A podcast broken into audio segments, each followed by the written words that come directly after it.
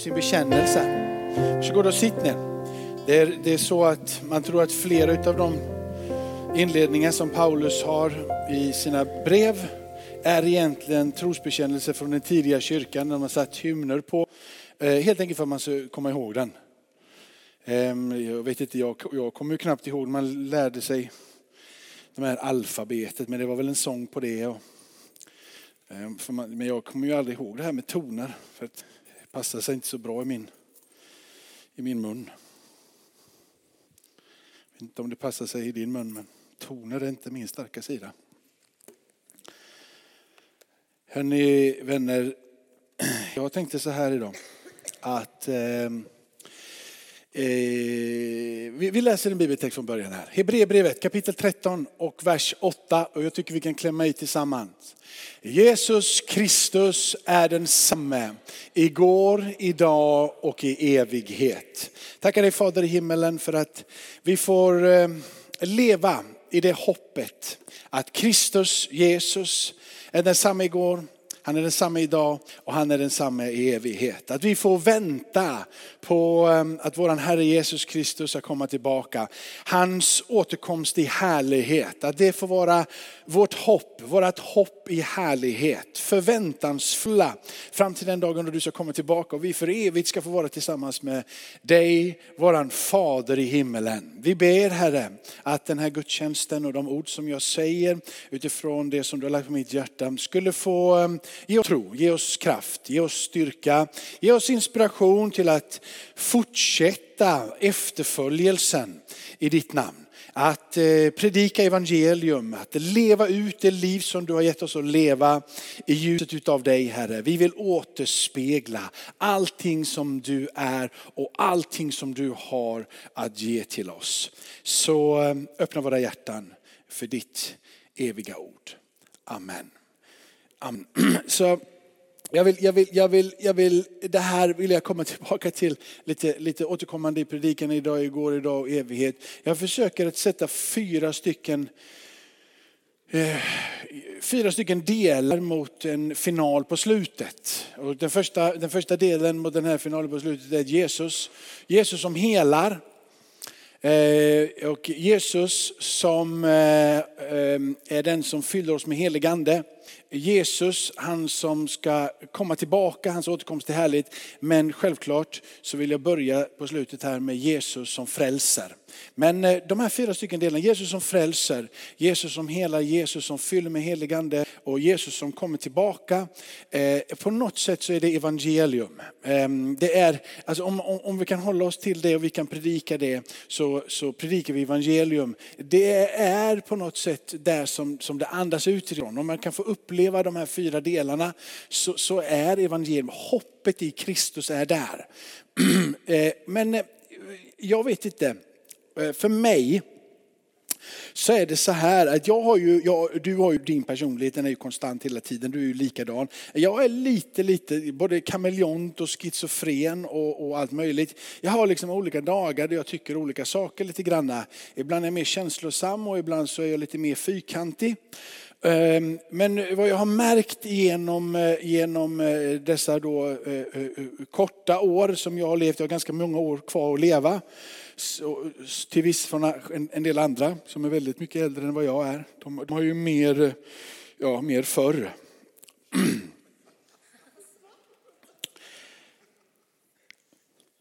Så är det så här att vi har också olika personligheter. Och när, när man tittar på personligheter i Bibeln så, så slår två stycken ut för mig när jag låg och funderade på detta. Eh, och det är Marta och Maria.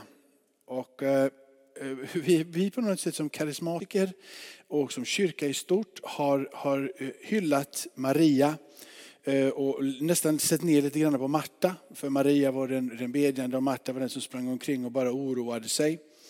Och Eh, jag, jag skulle vilja säga att båda personligheterna, eh, eh, Jesus älskar båda personligheterna. Jesus värdesätter båda personligheterna. Jesus eh, omfamnar båda personligheterna. Det är inte så att Jesus favoriserar Maria och eh, trycker undan Marta. Utan Jesus favoriserar båda två. Jesus möter med båda två, Jesus ser båda två. Eh, och deras respons till vem Jesus är kan man ju till början tänka när man läser de här berättelserna och du som är van att, att höra om Jesus och, och Maria och Marta direkt tänker att det är Maria, hon är den som igenkänner direkt vem Jesus är. Och den som verkligen blir, blir fullständigt eh, tagen av denna personlighet, eh, Jesus, då att Maria, eh, att Maria blir tagen av Jesus. Men det är inte så. Det är snarare tvärtom i den berättelsen. Och Eh, eh, Marta och Maria, du har det när Jesus, när Jesus ehm, eh, väcker upp deras bror Lazarus ifrån de döda, från Johannes 11. Och så har du den här berättelsen ifrån Lukas kapitel 10, när, när Jesus kommer in i deras hem. Och eh, eh, då står det, för det första så står det så här i Lukas 10, vi, vi, vi läser det inte utan ska, för att jag ska hinna med allting som jag vill säga, så, så, så predikar jag ut det eh, snarare än vi vänder oss dit. Men då är det så här att det är Maria, är det Marta som står där. Det är Marta som står där för att det är Jesus som säger att det är till Martas hem som han kommer. Till Marta och hennes syster Maria. Så Marta Marta är den som egentligen blir omtalad före Maria. Eh, och det kommer fram någonstans att det finns ett speciellt öga för Marta. Jesus har på något förunderligt sätt en speciell, liksom, ja Marta, jag gillar henne. Det är Maria som sätter sig vid Jesu fötter och lyssnar till hans ord. Marta, det är hon som springer omkring och Jesus tycker att hon oroar sig lite väl mycket och talar om att oroa dig inte så mycket. Och när Maria sätter sig här vid mina fötter och lyssnar så väljer hon den goda delen. Hon gör någonting som är väldigt, väldigt bra. Marta var inte irriterad på henne. Och här är det snarare så att vi i våra personligheter då i kyrkan med våra, våra liksom hallelujarop, vi blir snarare lite irriterade på Maria som bara ska sitta och be och sjunga lovsång hela tiden. Och, och tycker att det väl, vi måste vara några Marta som springer kring och gör någonting. Och så blir kyrkan lite splittrad. Men Jesus, han, han, han liksom på något sätt, Marta, du måste, du måste vara med dig, förstå det här också. Liksom. Det, men, men han, ändå har han ett gott öga före Marta mot Maria. Även om Maria, som han säger, väljer den goda delen. Det är som man ömkar för båda två, fast på två olika sätt. Sen så blir det en twist på det hela som jag, som, som jag tycker är så ljuvlig och det är Johannes. Och läs Johannes när du kommer hem. För då är det så här att systrarna gemensamt skickar bud. Och Jesus älskade Marta och hennes syster. Igen så är det Marta som hoppar ut ur texten. Marta är den nämligen som rör sig först och försöker få tag på Jesus. Och Maria, hon sitter kvar hemma och undrar vad hon gör. Hon kanske ber. Men Marta som var lite mer handlingskraftig, hon säger, jag kan inte bara sitta här och be. Nu drar jag till Jesus istället. Nu gör jag någonting. Och så drar Marta till Jesus och börjar prata med Jesus. Och eh, Marta säger till Jesus, nu är det så här, hade du varit här så hade min bror inte dött. Men så säger hon de här förundringarna, men jag vet att Gud ska ge dig vad du än ber om. Så Marta först talar du, Jesus, jag vet att vad du än ber om, vad du än ber om, inte vad du än gör och springer omkring och fejar och donar och trixar, utan till och med Maria som gillar att dona, trixa och fixa säger, jag vet att vad du än ber om, vad du än ber om, Jesus, vad du än ber om, det kommer Gud att göra. Så det är inte så att Marta som har personlighet springer omkring är den som tycker att bön är oviktigt. Hon säger bön, jag vet att när du ber, så händer det någonting. Och så säger Jesus till henne, ja, din bror kommer att uppstå. Och Marta svarar, jag vet att han ska uppstå, att han ska uppstå eh, i det, i det liv som ska komma. Eh, och så säger, så säger eh, sista dagen så säger Jesus till en, jag är uppståndelsen och jag är livet och den som tror på mig, han lever om han än dör. Och den som lever och tror på mig ska aldrig någonsin dö. Och så säger Jesus till Marta, tror du det? Före Maria, före de som var runt omkring Lazarus, före hela hushållet så är det Marta, denna, denna springtant som oroar sig och jagar livet ur alla för att de bara sitter, sitter stilla, säger ja, Herre, jag tror att du är Messias, Guds son, han som skulle komma hit till världen. Marta bekänner Jesus som Guds son före Maria. Och så står det så här sen att Marta hämtade Maria. Hon kallade på sin syster och det står att hon viskade. Mästaren är här och han kallar på dig. När Maria hörde de orden, jag vet inte om hon bad och, kanske sjöng lovsång och var allmänt i extas där, men mitt när hon hör att mästaren kallar på dig. Jesus hade ännu inte kommit in i byn där Marta hade träffat honom. Och så sker hela den här att, sen att när Jesus väcker Lazarus ifrån de döda och så vidare. Men vad jag vill, vad jag vill säga, det är två olika personligheter. En Marta, en Maria. Det är inte någon av dem i den här berättelsen som, som säger att bön inte är viktigt. Och Marta är den som säger att jag vet att när du ber så vet jag att det händer saker. Och det som framgår i hela berättelsen med Marta och Maria är att båda två får ögonen öppnade sig för vem Jesus är. Men det är Maria som sen smörjer Jesu fötter fötter och så lyfter vi upp det. Hon smörjer Jesus fötter och hon igenkänner att Jesus är Messias. Men Marta hade gjort det en tid innan. Men båda bekände Jesus som Herre. Lärjungarna sen, Lärjungarnas personligheter är lika märkvärdiga som, som, som Marta och Maria på något sätt. Dessa lärjungar, som har så, jag ska försöka tala om deras personligheter så snabbt det går på så kort tid med så många ord som möjligt utan att andas. Så att det går snabbt. Men dessa tolv personligheter får alla samma uppdrag. Jag vill att vi ska komma ihåg det när vi går in på dessa personligheter. För en är lite mer fyrkantig när det kommer, det är bara siffror som gäller och pengar är det som är viktigast överhuvudtaget. Och då har vi några andra som är lite, lite naiva och då någon annan som är tvivlare och så vidare. Jag ska, jag ska visa er lite på den, på den resan här. Men vilket fall som är, vilken typ av personlighet de är, Marta, Maria, en Petrus, en Andreas, en Filippus eller vem det är nu, så får de alla samma uppdrag. För Jesus är densamme igår, idag och i evighet. Men du och jag, vi är vansinnigt olika. Ja. Han säger följ mig till dem alla. Han säger predika vem jag är till dem alla. Och han säger att jag ger er makten att bota sjuka och driva ut demoner till dem alla. Jesus är den som visar vägen hur man, för jag vill bara säga så här, det finns en del som har lätt att förstå olika ord och en del har svårt att förstå olika ord beroende på vad man har lagt i dessa ord. Så att ibland när man säger, när man säger så här, att nu ska vi, nu ska vi, vi, nu ska vi be. Så är det en del som bara tänker på liksom tidebön, då sitter man och ber mot varandra. Och en del tänker bön, då tänker man några galna pingstvänner som någonstans i Afrika som står och skriker i tungor. Alla har bön och så har man lagt olika saker i det här bön. Och det finns samma sak där när det kommer till överlåtelse. Vad är överlåtelse?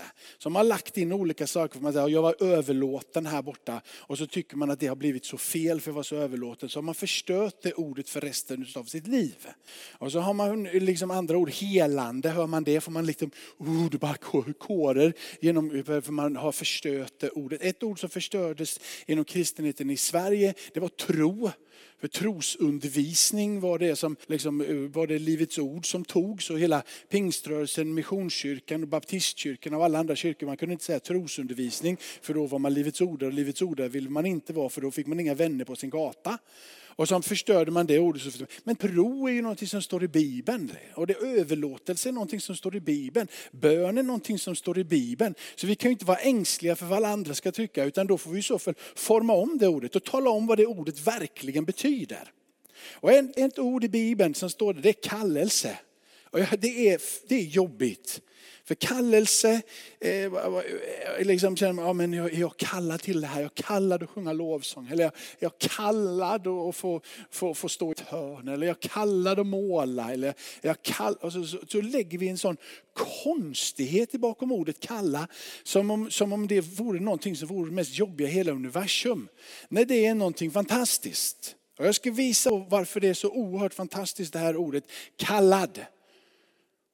Det är nästan så jag känner, kan, kan vi bara säga kallad? Men jag ska inte säga det för att jag gillar inte Men det, jag vill bara, kom ihåg ordet kallad och låt det få sitta där. Det är ett ljuvligt ord, ett bibliskt ord. Det är ett ord som kan uppmuntra dig, det är ett ord som kan fylla dig med entusiasm. Det är ett ord som kan inspirera dig, det är ett ord som ger dig hopp.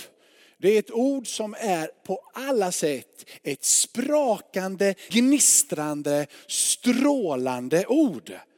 Jag lovar dig, och du kommer bli övertygad om bara några få korta minuter.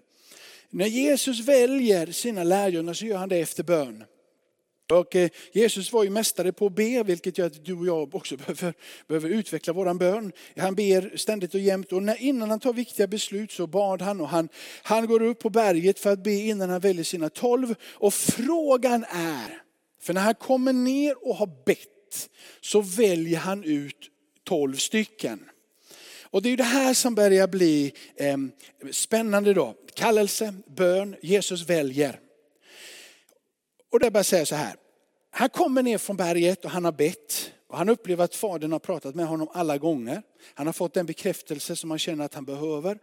Och eh, när han kommer ner så väljer han dessa två. Och då, är det ju så här då. Varför i hela världen valde han dessa tolv?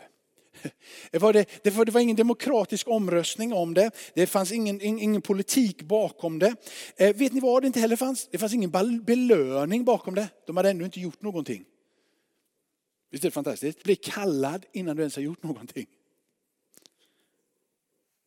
Du, det, det, var inte så att de blev kallade för att de hade en lång och trogen tjänst. Nu, då, nu har vi sett dig så mycket här nu Roger, så nu, nu kan du få sitta bakom pianot här. Nu, nu, det kanske inte blir så bra, men vi har sett dig länge här nu och så vidare. Lång och trogen tjänst fanns inte i det. De hade inte gjort någon ansökan. Ingen av lärjungarna sa det var ett helt gäng med folk runt omkring Jesus. Och Jesus ber så kommer han ner och sen så bara utväljer han tolv stycken som man känner att det här ligger någonting över. Det här är. Det fanns inte lång och trogen tjänst. Det fanns inga meriter. Det fanns ingen demokratisk process. Det fanns ingenting. Det fanns inga CV då eller sådär. Han satte inte dem först i ett discipelprogram, en utbildningsprogram. Han satte det, liksom, det fanns inga meriter. Det fanns inga personliga kvalifikationer. Det fanns ingenting. Allting var där och nu. Utan det handlade om en enda sak för Jesus och det var bön. Och bönen den var viktig. Och då är det ju så här. Varför då valde han dessa tolv? Det var ingenting med merit, ingenting med trogen tjänst. Så man måste börja fundera lite. Och det som blir intressanta med det när man sen ser vilka knasbollar han väljer, så blir det ju ännu märkligare. Och jag, jag, jag, vet inte varför han valde de här, men de, de, var, de var ganska unga och de var, eh, de, de var inte välutbildade. Och de var inte särskilt pålitliga heller. Eh, och på alla sätt så, så, var de okvalificerade. Det var inga man väljer direkt. Eh, men kanske var det så här att antingen så hörde Jesus direkt från Gud. Eller så kanske det var så här att Jesus kände att han behövde be över det här för att han hade såg eh, eh kanske lite potential i någon av dem. Han såg en förutsättning för att de här människorna är villiga. Han kanske tittade på dem och sa att de här människorna har inte gått igenom så mycket i livet än. Så de är faktiskt utan fördomar. Vilket gör att det blir faktiskt lättare att prata med dem. De är inte fyllda med allt sitt bagage som ligger bakåt över hur det borde blivit men inte blev. Och helt plötsligt så står de där, Jesus med ett helt nytt kapitel och säger jag behöver inte gå på tå för varje liten, liten, liten sak. Utan jag kan faktiskt presentera det som Fadern vill utan att ta hänsyn till alla små detaljer över hur man kunde ha gjort olika saker bakåt i tiden. Kanske var det på det sättet. Jag säger inte att det var på det sättet. Kanske var det så att dessa ungdomar inte var bundna vid allting som vuxenlivet har eh, som boja. Eh, kanske föräldraskap som faktiskt kräver en del saker. Eh, eh, eh, barnbarn, de brukar säga att den jobbigaste tiden det är när man har barnbarnen och fortfarande sina föräldrar vid liv. Man faktiskt har sin egen generation och sina egna vänner att ta hand om. Man har både sina barn och sina barnbarn och sina föräldrar vid liv. Det brukar de säga är den jobbigaste tiden att leva. För då är det så lätt att man missar sina vänner som man har levt så mycket med. För man har så mycket annat runt omkring. Eller kanske det var bara så här att de var riktigt nyfikna. De var nyfikna och de var villiga Och Jesus såg det i dem och ville.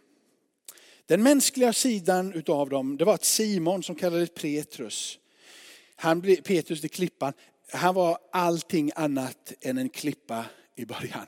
Första tre åren så var han ingen klippa överhuvudtaget. Han var en trosvis, han var engagerad men han var oerhört impulsiv.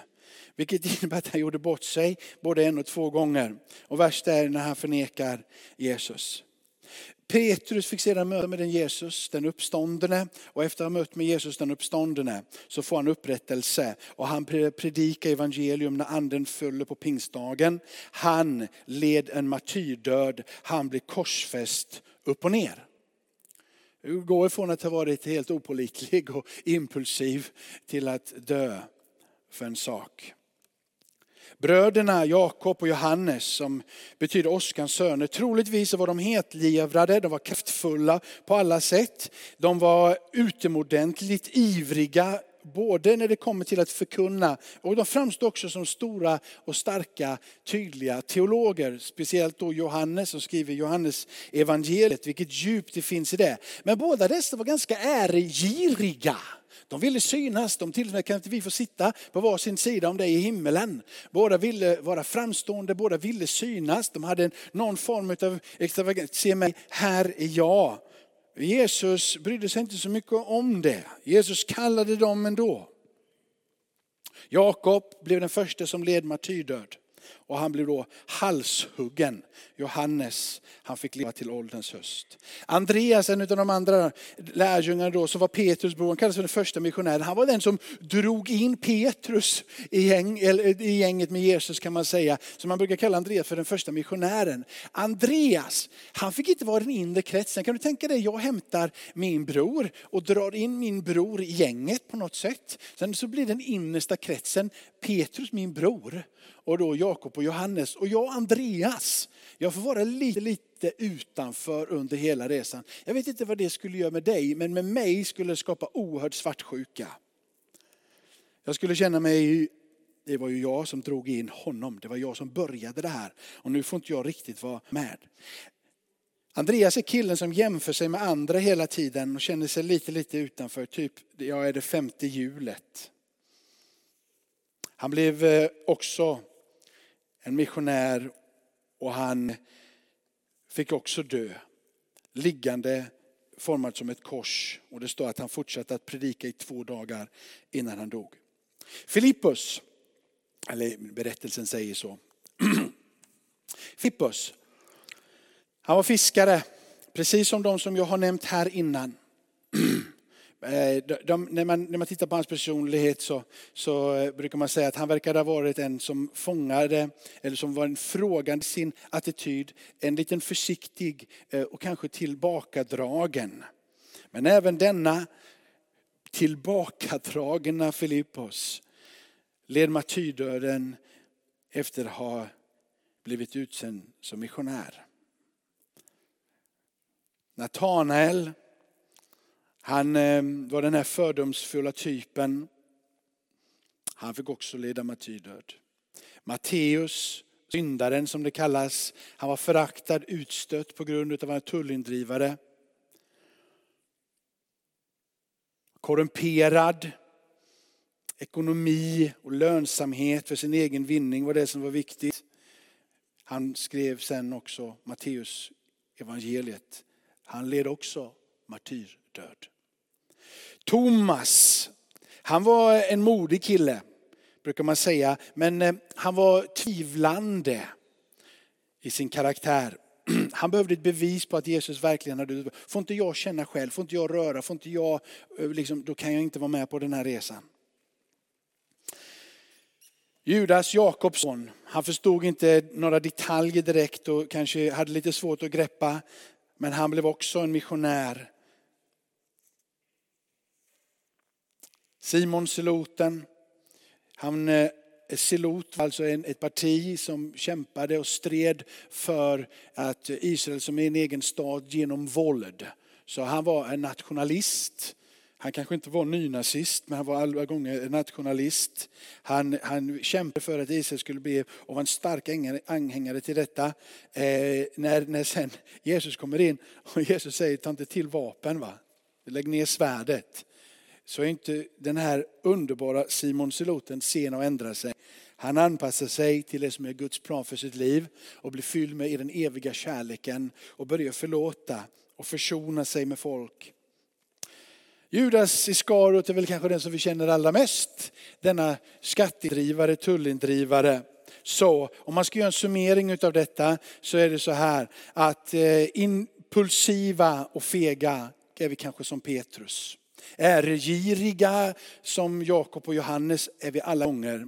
Att ha lätt att jämföra oss med andra som Andreas, ja den är solklar. Vi kanske har också lite av det här försiktiga och tillbakadragna i oss som Filippos i alla fall ibland. Fördomsfulla som Natanael alla gånger.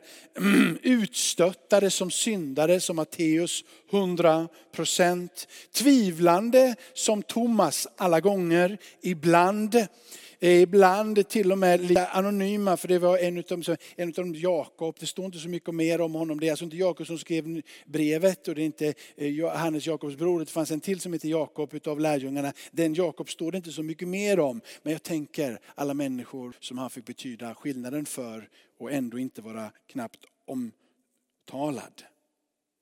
Du kanske är en som inte riktigt fångar det här med Guds plan. Då passar du in med Tedaios. Du kanske har en våldsam bakgrund, en riktig förbrytare och kanske till och med kriminell. Ja, du, du, du, med det här med att vara arg och våldsam så är du otroligt lik Simon Seloten.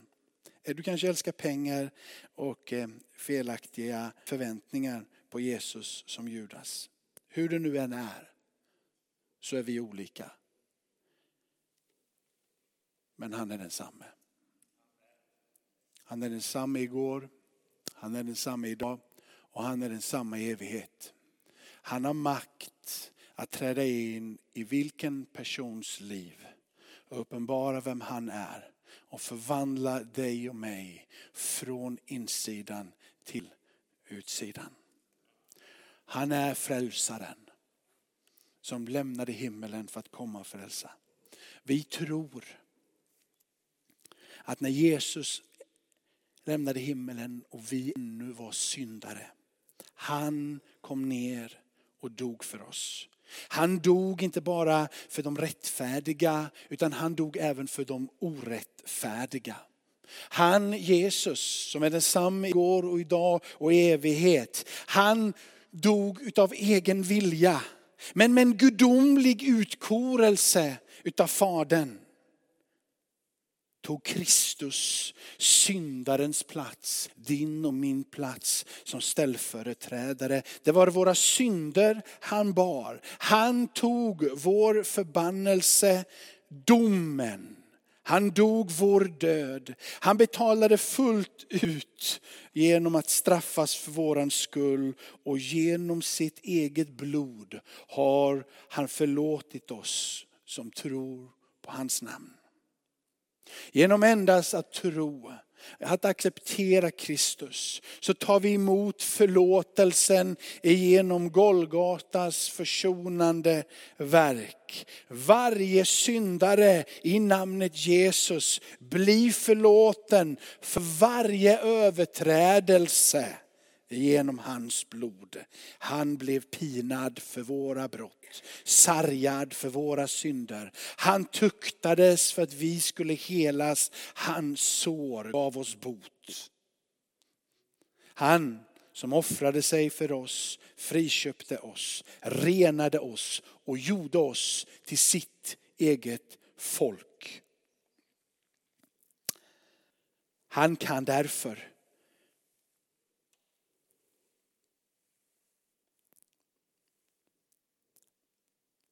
Vi tror, jag hoppade över lite där för att det tar för lång tid.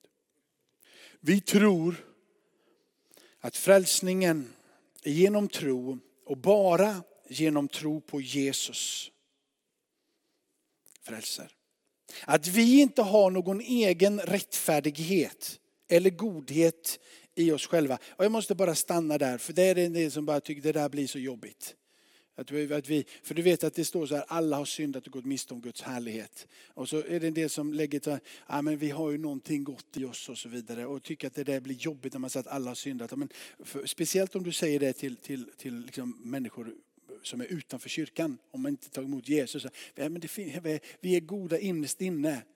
Jag, jag, jag, jag vet inte om det är så. Jag, för mig är det, för mig är det, är det tvärtom. Jag tror, det är inte så att alla bara är onda och vaknar upp på en måndag morgon undrar om jag ska döda idag. Det är väldigt få som är så onda. Som, som ligger planerar på kvällen över att imorgon är det måndag. Undrar vem jag ska döda idag. Så jag ska ta Lennart Svedman idag. Eller vem jag ska ta. Det, är väldigt få som ligger och planerar att de ska mörda. Va? Utan de mesta, flesta människorna som vi känner och som finns på den här jorden, utav alla dessa miljarder människor, är ganska, liksom, reser sig upp och vill leva livet. Vill ta hand om varandra. Det finns vissa platser och det är krig och så vidare. Men merparten av människor är generellt ganska, är ganska de, de, är inte så, de är inte så bedrövliga så de vaknar på morgonen och vill skjuta någon. Men hur man än förklär sig i, liksom, ta bara metoo, den här rörelsen som är.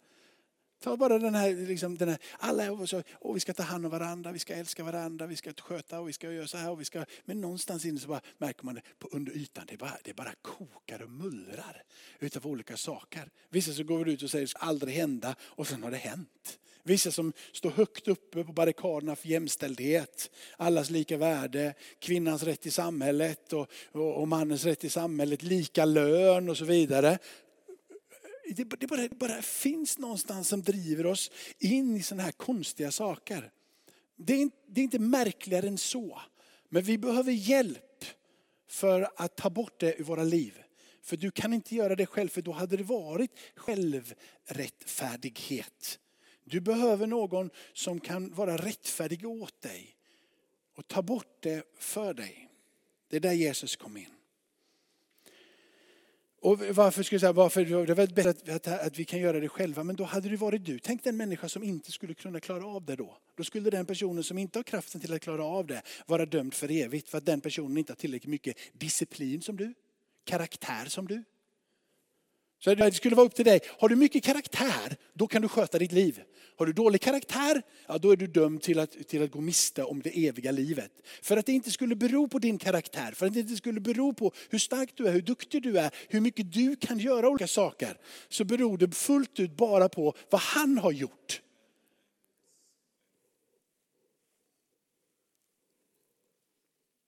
Det finns en gudomlig utkorelse av Fadern. Så Därför så måste vi komma till honom. Och vi måste ta emot hans barmhärtighet, hans nåd. Han som älskar oss och han som har köpt oss, tvättat oss rena genom sitt blod. Och vi ber om hans rättfärdighet, det han har gjort för oss. Och vi ställer oss på hans ord och vi accepterar och vi tar emot den fria gåvan, kärleken och den fulla förlåtelsen i hans namn.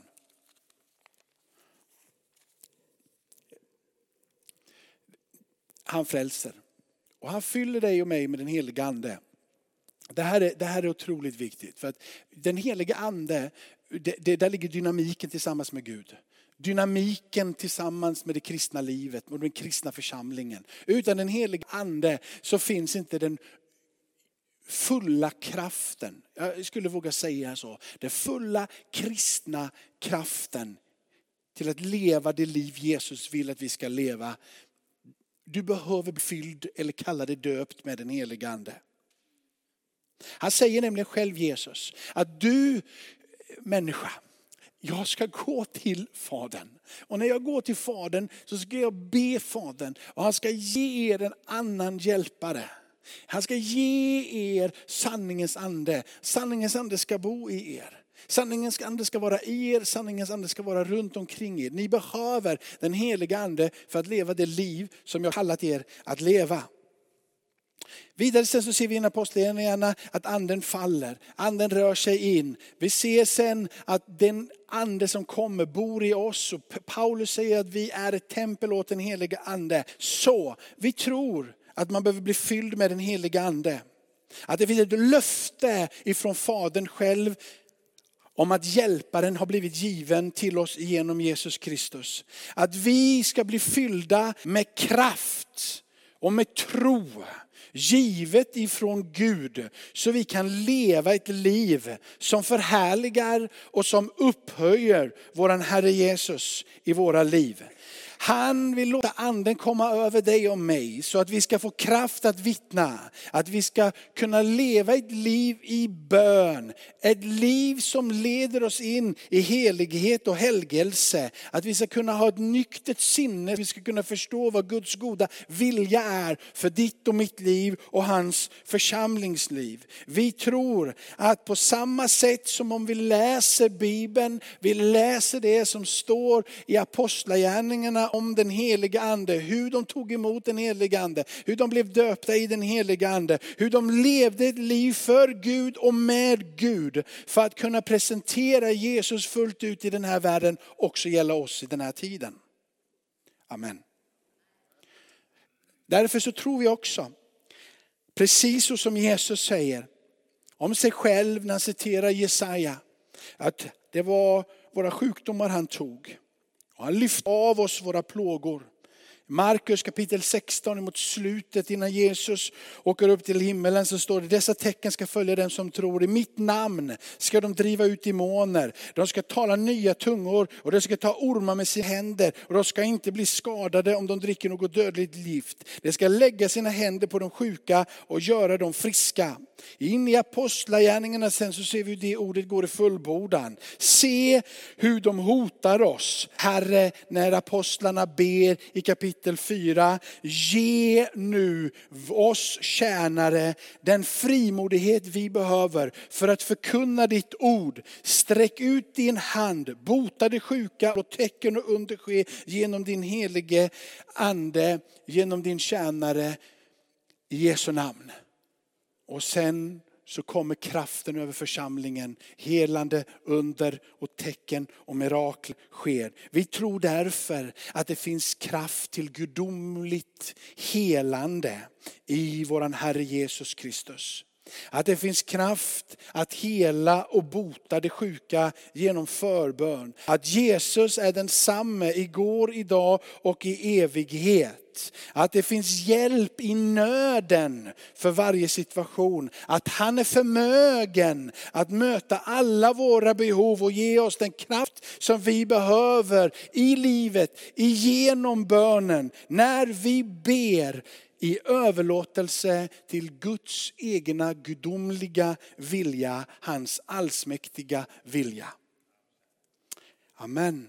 Vi tror att Jesus andra tillkommelse inte är en flummig molnliknande variant. Vi tror att Jesus andra tillkommelse den är fullt ut personlig. Han kommer tillbaka. Hans närvaro kommer att märkas när han kommer i höjden. Han stiger ner ifrån himmelen till oss. När befallningen ljuder, när enke, enk, ärke ängelens röst hörs. En Guds basun i den timme som ingen vet i förhand. Så kommer det som har dött i Kristus att uppstå. Och sen ska det som lever och är frälsta ryckas upp i höjden. Och tillsammans ska vi möta honom i rymden, vår Herre. Sen ska vi för alltid vara tillsammans med honom. Det är vårt hopp. Men fram till den dagen som ingen vet, men som för varje dag kommer närmare, så ska vi predika hoppet i Kristus Jesus. Jesus bygger sin församling. Han är densamme igår, idag och i evighet. Och allt folket sa Amen. Jag tackar dig Fader i himlen för att vi får vara i ditt hus. Att vi får predika evangelium och vi ber som apostlarna, kom med din helige ande över oss. Så att vi kan predika frimodigt det evangelium som behövs predikas i den här tiden. Att vi vågar Herre frimodigt be ber för den som är sjuk om läkedom och helande. Att vi frimodigt får igenkänna kallelse, inte byggd på meriter eller lång och trogen tjänst, utan kallelse ifrån höjden. Där du ger utav dina gåvor för att fullborda dina syften mitt i församlingen. All ära till Jesus. Tack för att du ger oss kraften att kasta ut de demoner som kommer i våran väg. Och du ger oss kraften att alltid peka på vårat härlighetshopp i Kristus. Din återkomst. Jesus, möt med oss den här stunden. Förvandla våra liv. I Jesu mäktiga namn.